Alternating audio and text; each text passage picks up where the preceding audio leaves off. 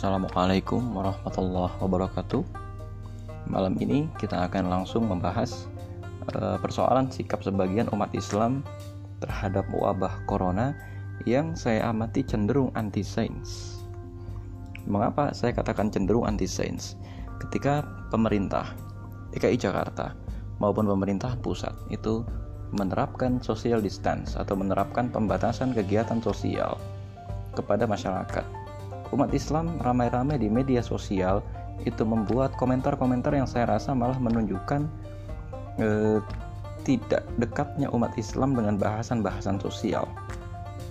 Yang menunjukkan bahwa umat Islam itu justru eh, tidak membahas masalah-masalah sosial dan masalah kehidupan dengan serius malah cenderung menjadikannya seperti lelucon.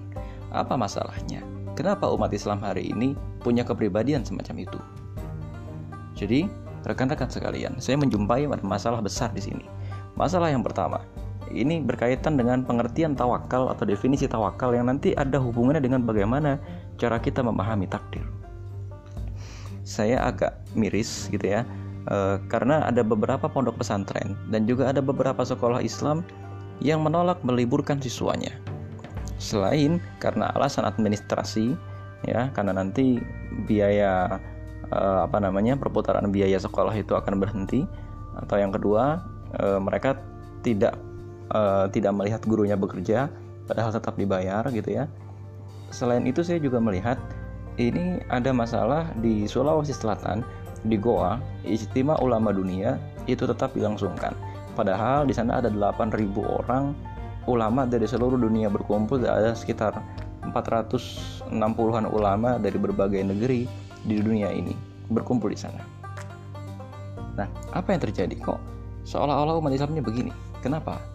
Karena yang pertama begini, pengertian kita mengenai kode dan kodar. Ada e, beberapa hal yang mengesankan bahwa seolah-olah bencana itu memang sudah digariskan oleh Allah Subhanahu wa taala dan kemudian yang terjadi adalah seolah-olah kita tidak usah menghindar kalau toh kita sudah ditakdirkan untuk kena maka kita e, tidak tidak usah menghindar kita menghindar sekalipun akan kena. Ini berbahaya. Teman-teman sekalian, eh, dalam berbagai kitab gitu ya, ada sebuah hadis yang berasal dari Rasulullah secara marfu gitu ya. Marfu itu artinya hadis ini tidak sampai kepada Rasulullah tapi hanya sampai kepada para sahabat Nabi. Suatu ketika Umar bin Khattab sedang duduk bersandar di sebuah tembok yang hampir runtuh. Ternyata Umar setelah itu pindah ke tembok yang tidak runtuh Umar itu pindah ke tembok yang masih kokoh. Ada seorang sahabat yang lain bertanya, Wahai Umar, mengapa kau pindah dari tembok itu? Bukankah kau tidak akan kuasa menolak takdir Allah? Nah, Umar menjawab, Aku berpindah dari takdir Allah yang satu kepada takdir Allah yang lain karena takdir Allah. Nah ini jawabannya cukup cerdas. Artinya begini, uh, uh, analogi yang lebih mudahnya seperti ini. Kalau Anda tahu, Anda akan jatuh kalau Anda lewat di sebuah tempat. Bagaimana sikap Anda? Apakah kita akan bertawakal lewat begitu saja atau kita akan pergi? Pasti refleks kita, kita akan pergi. Mengapa? Eh, karena memang di situ kita harus menjaga diri kita, tapi penyebab tentunya bukan masalah kita harus menjaga diri kita. Pertanyaan saya yang paling besar adalah, kenapa kita bisa menghindar dari tempat itu? Apakah karena kita kita bisa menghindar dari tempat itu lantaran usaha kita atau Allah mengizinkan usaha kita agar kita pindah dari tempat itu? Contoh yang sulit sederhananya lagi. Ketika kita haus, itu adalah takdir Allah kita haus. Dan takdir Allah yang lain mengatakan bahwa kalau kita ingin lepas dari dahaga kita, kita harus minum. Apakah kalau kita berdiam diri, kita akan kehilangan dahaga kita? Enggak, kita harus berjalan ke tempat air minum, kita ambil gelas lalu kita minum dari situ. Pertanyaan saya adalah, eh, Anda berjalan dari tempat Anda menuju tempat ambil air minum itu, itu butuh izin Allah atau tidak? Butuh. Masalahnya adalah ketika Allah sudah mengizinkan, berarti itu adalah takdir, betul atau tidak? Nah, itu adalah takdir. Berarti ketika Anda tahu adalah ada ini ada satu wabah, itu betul takdir Allah. Tapi ketika Anda ternyata pergi ke sebuah tempat atau Anda e, menuruti anjuran pemerintah untuk tidak berdiam di sebuah tempat atau untuk tetap ada di sebuah tempat. Pertanyaan saya, Kalau Anda tetap ada di tempat itu, diam. Itu takdir Allah juga atau bukan? Dan kalau Anda ternyata memilih berjalan ke tempat yang lain, itu juga takdir Allah atau bukan? Kalau ternyata diizinkan, itu berarti adalah sebuah takdir Allah. Maka rekan-rekan sekalian, ini memang agak rumit pembahasannya. Tapi begini, ketika ada suatu wabah, ya, ketika ada satu bencana terjadi dan pemerintah mengumumkan untuk kita pergi atau menetap dari tempat itu. Ya, contoh misalnya ketika ada letusan gunung, kita diminta untuk pergi dari tempat itu. Ketika ada wabah, kita diminta untuk menetap di tempat itu agar wabahnya tidak pergi keluar kota kita. Pertanyaan saya adalah, ini pemerintah bukan hendak melawan takdir, tapi yang terjadi adalah pemerintah itu hendak menahan kerusakan yang ada lebih jauh lagi dengan seizin Allah, dengan takdir Allah. Dan rekan-rekan sekalian, kita punya kesempatan untuk memilih takdir Allah yang mana yang akan kita jalani, meskipun nanti pilihan kita itu akan kita serahkan lagi kepada Allah kita serahkan lagi kepada Allah. Itu maksudnya adalah hasilnya kita serahkan lagi kepada Allah. Bukan kita milih yang mana kita tetapkan lagi kepada Allah. Bukan. Apalagi sekarang gitu ya umat Islam ini kan malah cenderung anti sains ya dalam arti udahlah semuanya atas izin Allah segala macam nggak usah panik. Eh malah menyepelekan tidak menjaga kebersihan tetap mengadakan majelis taklim tetap mengadakan tablik tetap berkerumun dan lain-lain gitu ya. Malah yang terjadi ini sekarang pemerintah dibenturkan dengan fikih. Ini karena ketidaktahuan masyarakat. Aturan pemerintah, fatwa pemerintah itu seakan-akan dibenturkan dengan fikih dan karena begini, ini saya harus katakan dengan jelas. Tensi politik, tensi pilpres ya ini belum selesai. Eh, konflik akibat pilpres itu belum selesai. Kenapa?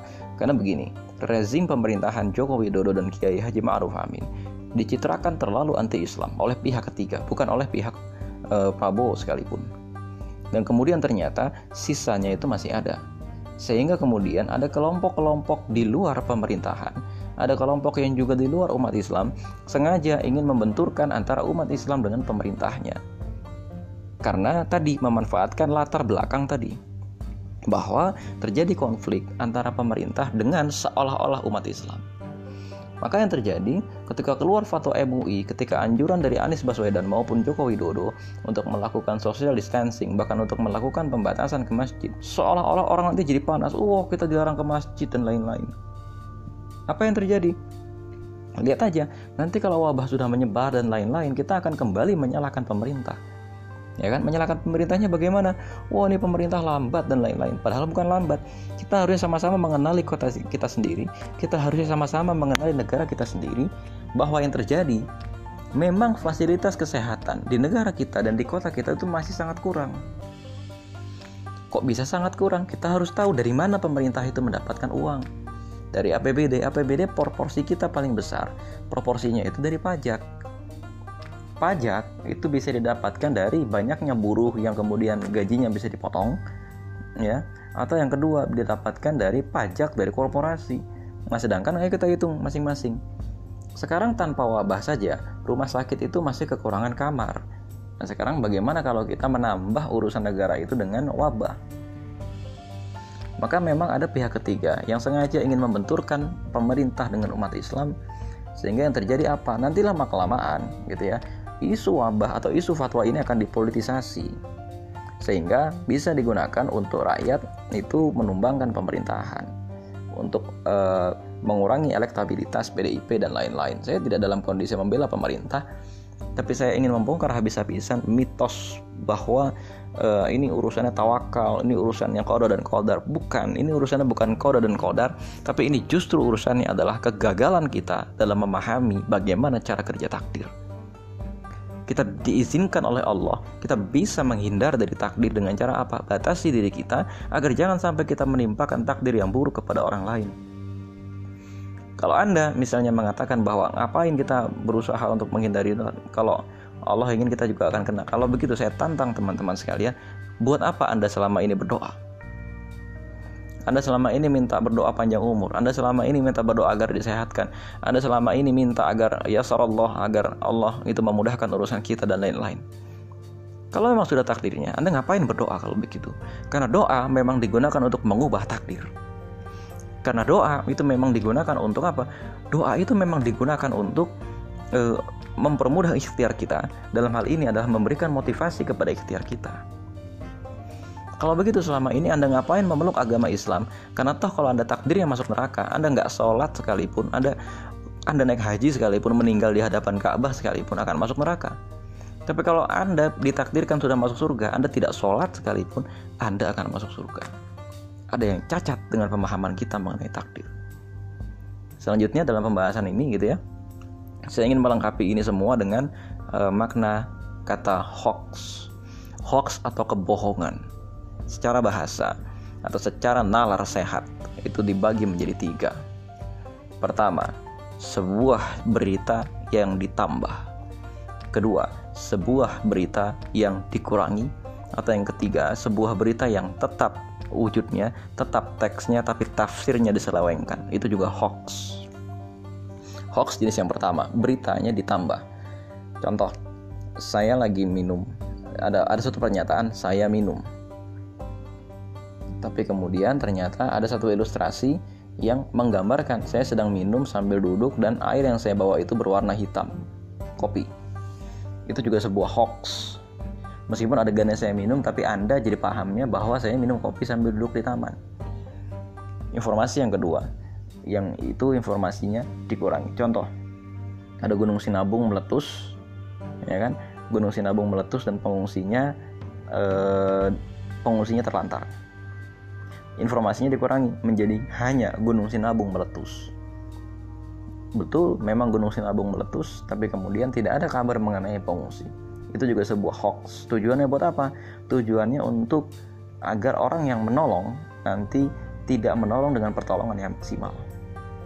Atau yang kedua, agar tujuan nanti orang yang bertindak atas dasar kabar itu bertindak dengan cara yang salah. Masalahnya adalah sekarang yang terjadi itu yang ketiga, Hoax itu adalah sebuah kabar benar yang tafsirnya dibuat salah. Wabah corona itu benar adanya, rekan-rekan sekalian, tapi kemudian malah ada yang menafsirkan bahwa ini adalah konspirasi Yahudi. Ada lagi yang kemudian menafsirkan ini adalah senjata biologi Cina yang bocor dengan dicari-cari ini sebenarnya apa. Lucunya orang yang mencari bahkan mungkin barangkali belum pernah ke Cina, belum pernah juga ke Israel. Banyak orang sekarang itu mengaku menjadi pakar konspirasi hanya gara-gara kebanyakan baca buku. Orang sekarang ini lebih gawatnya lagi, orang sekarang itu menjadi seolah-olah pakar konspirasi hanya gara-gara dia keseringan nonton YouTube. Dia menjadi paranoid. Rekan-rekan sekalian, karena kabar hoax itu nanti akan menciptakan simulakra. Apa itu simulakra?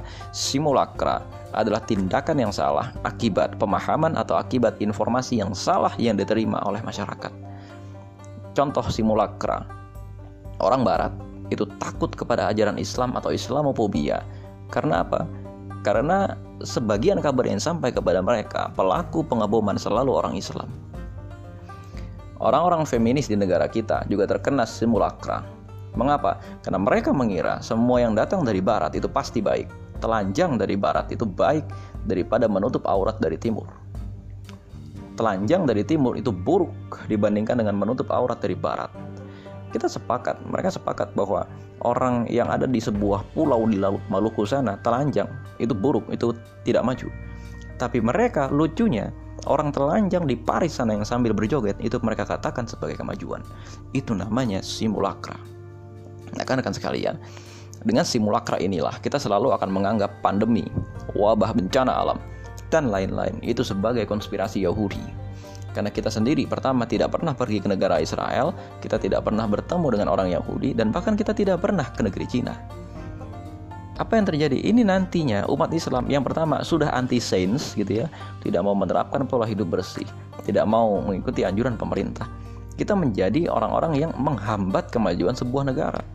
Percuma ada orang Islam di negara kita karena mental orang-orang Islamnya anti sains, kena simulakra, gampang kemakan hoax. Ya, misalnya yang sedang dibongkar BBC uh, eh, beberapa waktu yang lalu ada broadcast yang menyebutkan ada seorang profesor namanya dari Profesor Chen Hurin gitu ya yang menyebutkan bahwa uh, bawang putih katanya bisa menangkal virus. Ternyata dibongkar oleh BBC. Chen Hurin ya, itu ternyata dalam bahasa Cina itu berarti saya siapa. Ini siapa? Who is this gitu ya. Siapa itu? Itu lucu gitu kan Nah, ini kemudian nih, teman-teman sekalian, eh, beberapa di antara kita termasuk saya sendiri pernah bekerja di agensi isu, agensi berita pada saat Pilpres maupun Pilgub Jakarta kemarin. Memang ada lembaga khusus, organisasi khusus eh, yang memang eh, bekerja mencari uang dengan cara menjual kabar bohong mereka ini pihak ketiga. Jadi kabar bohong itu sekarang bukan diciptakan oleh pemerintah, tidak diciptakan oleh ormas, tapi diciptakan oleh semacam agensi atau diciptakan oleh semacam lembaga yang menjual jasa untuk membuat kabar bohong. Tujuannya apa? Satu, tujuan positif. Tujuan positifnya adalah e, untuk mengetahui reaksi orang ketika terjadi suatu kabar.